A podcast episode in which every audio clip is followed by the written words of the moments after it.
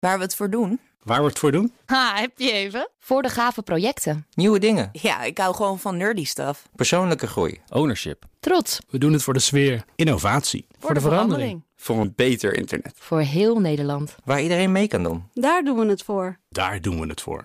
Waar doe jij het voor?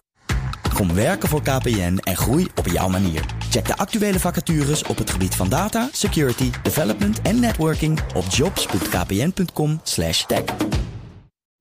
Ik ben Carlijn Meinders. Dit is Wetenschap vanavond. Waarom raakt het ene hersengebied sneller beschadigd door Alzheimer dan het andere? Het is een van de grote vragen rondom de ziekte waar we het antwoord nog niet op hebben gevonden.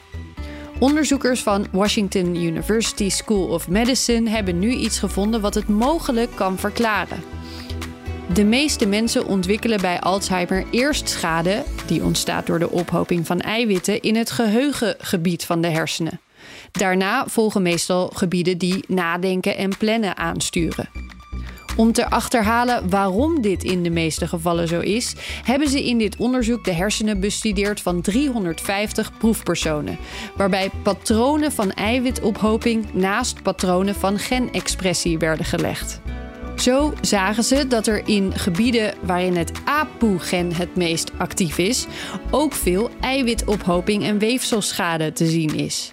En dat geldt voor meer genen die geassocieerd worden met Alzheimer. Ook die zagen ze in vergelijkbare patronen terug in de hersengebieden waarin de schade het eerst ontstaat. Nou draagt vrijwel iedereen een variant van die genen in zich, maar bij sommige varianten, bijvoorbeeld het APOE4-gen, is het zo dat dragers ervan een nog grotere kans hebben op het ontwikkelen van schade. Ook dat zagen ze terug in het onderzoek. Het zegt nog lang niet alles. Zo zijn er bijvoorbeeld ook atypische vormen waarbij het andere gebieden zijn die als eerste schade oplopen. Maar in het geval van ziektes als Alzheimer geldt: alles wat we te weten kunnen komen over het ontstaan ervan telt. Is één minuutje wetenschap niet genoeg en wil je elke dag een wetenschapsnieuwtje? Abonneer je dan op Wetenschap vandaag. Ook Diana Matroos vind je in de BNR-app. Ja, inderdaad. Je kunt live naar mij luisteren tijdens de Big Five. Ook handig in de BNR-app. Breaking nieuwsmeldingen, maar ook het allerlaatste zakelijke nieuws. En je vindt in de app alle BNR-podcasts, waaronder Wetenschap Vandaag. Download nu de gratis BNR-app en blijf scherp.